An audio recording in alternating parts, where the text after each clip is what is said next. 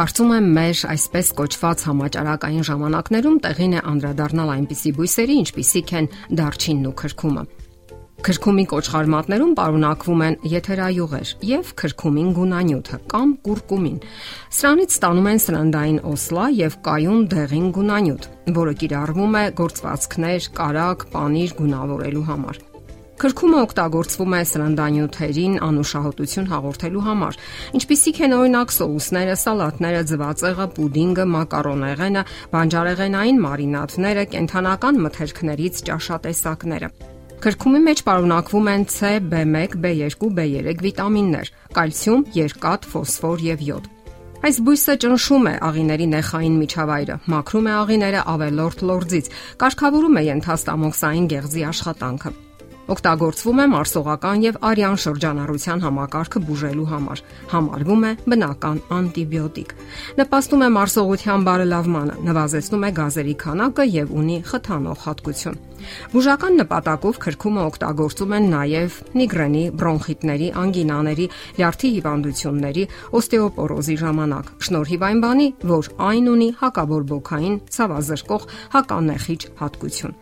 Կրկումն ունի նաև լեղակարերը կանխելու եւ նրանց քայքայմանը, լուծմանը նպաստելու հատկություն։ Այս բույսը համարվում է նաև ճիճվաթափ միջոց։ Այն կարելի է օգտագործել փոշու տեսքով, բացելով ջրում կամ ավելացնելով ճաշատեսակներին 1 քառորդ գթալից մինչև 1 թեյի գթալ։ Կախված ցուցումներից, թե ինչ նպատակով եք օգտագործում։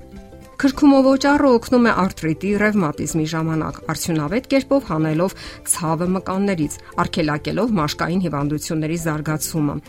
Քրքումը նաև հզոր միջոց է երիտասարդացման համար։ Քրքումի կազմի մեջ մտնում են եթերային եւ ճարպային միացություններ։ Այս նյութերը նույնիսկ փոքր քանակի դեպքում զգալիորեն թուլացնում են ազատ ռադիկալների կործանարար ազդեցությունը բջիջների վրա, իսկ դա դանդաղեցնում է ծերացման գործընթացը։ Քրքում պարունակող կոսմետիկ միջոցների անընդհատ օգտագործումը կարող է կանխել կնճիռների առաջացումը։ Քրքումը կարգավորում է ճարպագեղձերի աշխատանքը, բարելավում է դեմքի գույնը, սնում եւ փապկացնում է մաշկը, երիտասարդ եւ առողջ տեսք է հաղորդում նրան։ Ասենք որ բացահայտ հակացություններ այս բույսի առումով չկան։ Հնարավոր են պարզապես ալերգիկ հակազդեցություններ։ Այս բույսը որոշ երկրներում կիրառվում է նաև պատիճների տեսքով օգտագործվում է կոսմետիկայի մեջ մտնելով տարբեր լոսյոնների, քսուկների, դիմակների բաղադրության մեջ։ Այժմ մի քանի խոսք դարչինի մասին։ Ամենից առաջ ասենք, որ շատերը անգամ չգիտեն, թե ինչից են ստանում այս հետաքրքիր սննդանյութը։ Իրականում դարչինը ծառի չորացված կեղևն է։ Ամենավորակյալը համարվում է ցեյլոնի դարչինը, որը աճում է Շրի Լանկայում։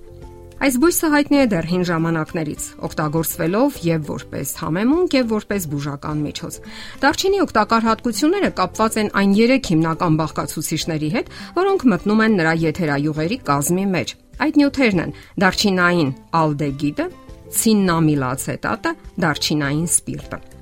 Դարչինային ալդեգիդը արգելակում է տրոմբների առաջացումը Դարչինի եթերայուղը ունի հակաբացիլային ազդեցություն, արգելակում է սնկերի աճին։ Այդ թվում կանդիդա թթխմորային սնկի։ Դարչինը ընդունակ է նաև բնականon վիճակի բերելու շաքարի մակարդակը։ Հետազոտությունները ցույց են տալիս, որ կես թեյի գթալից էլ պակաս դարչինի փոշին իջեցնում է շաքարի մակարդակը արյան մեջ, բարձրացնում է ինսուլինի ազդեցությունը եւ բջիջների ընդունակությունը որpիսի նրանք տարալուծեն եւ օգտագործեն գլյուկոզան։ Դարչինի բույրը ակտիվացնում է գլխուղեղի աշխատանքը եւ այնպիսի գործառույթները, ինչպիսիք են ուշադրությունը եւ տեսողական հիշողությունը։ Դարչինի մեջ պարունակվող դիետիկ թելիկները եւ կալցիումը նպաստում են կանխարգելելու հաստ աղիքի քաղցկեղի զարգացումը։ Կալցիումը եւ թելիկները կապում են թթուների աղերը եւ հեռացնում դրանք օրգանիզմից, դրանով կանխելով այն վնասը, որ կարող են հասցնել այդ աղերը հաստ աղիքի բջիջներին։ Թելիկները նպաստում են նաև փորկապության եւ լուծի կանխարգելմանը։ Երբ դարչինը ավելացնում են թեյի մեջ եւ խառնում այն թարմ իմբիրի կամ կոճապղպեղի հետ, ստացվում է հաճելի թեյ, որը կարելի է օգտագործել որպես տաքացնող միջոց մրսածության եւ գրիպի ժամանակ։ Դարչինը օգտագործում են նաև մեղրի հետ։ Այն նպաստում է արյան խոլեստերինի մակարդակի իջեցմանը, մաքրում է լյարդը եւ լեղատար համակարգը։ Դարչինը օգտագործում են նաև սննդի արդյունաբերության մեջ, պահածոների մեջ, շոկոլադների, աղանդերների, քաղցրավենիքների, ավելացնում են նաև մսային ճաշատեսակներին, մրգերին, շիլաներին։ Այն լայն կիրառություն է գտել նաև բժշկության մեջ, կոսմետիկայի բնագավառում։ Դարչինի յուղը օգտագործում են որոշ տակածնող քսուկների կազմի մեջ, մրսածության դեղամիջոցների կազմի մեջ, ինչպես նաև օծանելիքների։ Ասենք որ դարչինը կարելի է օգտագործել երկու ձևով ձողիկների տեսքով եւ փոշու տեսքով։ Ձողիկները ավելի երկար են պահպանվում, իսկ ահափոշին ավելի բուրավետ է։ Այս բույսի թարմությունը որոշում են ըստ բույրի։ Եթե բույրը քաղցր է, նշանակում է դարչինը թարմ է։ Դարչինը պահում են մութ, չոր եւ զով տեղում, ապակե տարայի մեջ։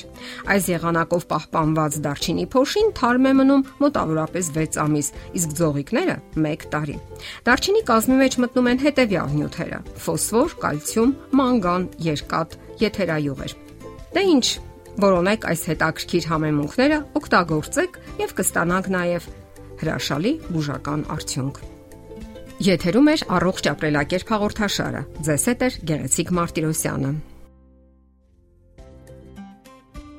Հարցերի եւ առաջարկությունների դեպքում զանգահարեք 094 08 2093 հեռախոսահամարով։ Հետևեք մեզ hopmedia.am հասցեով։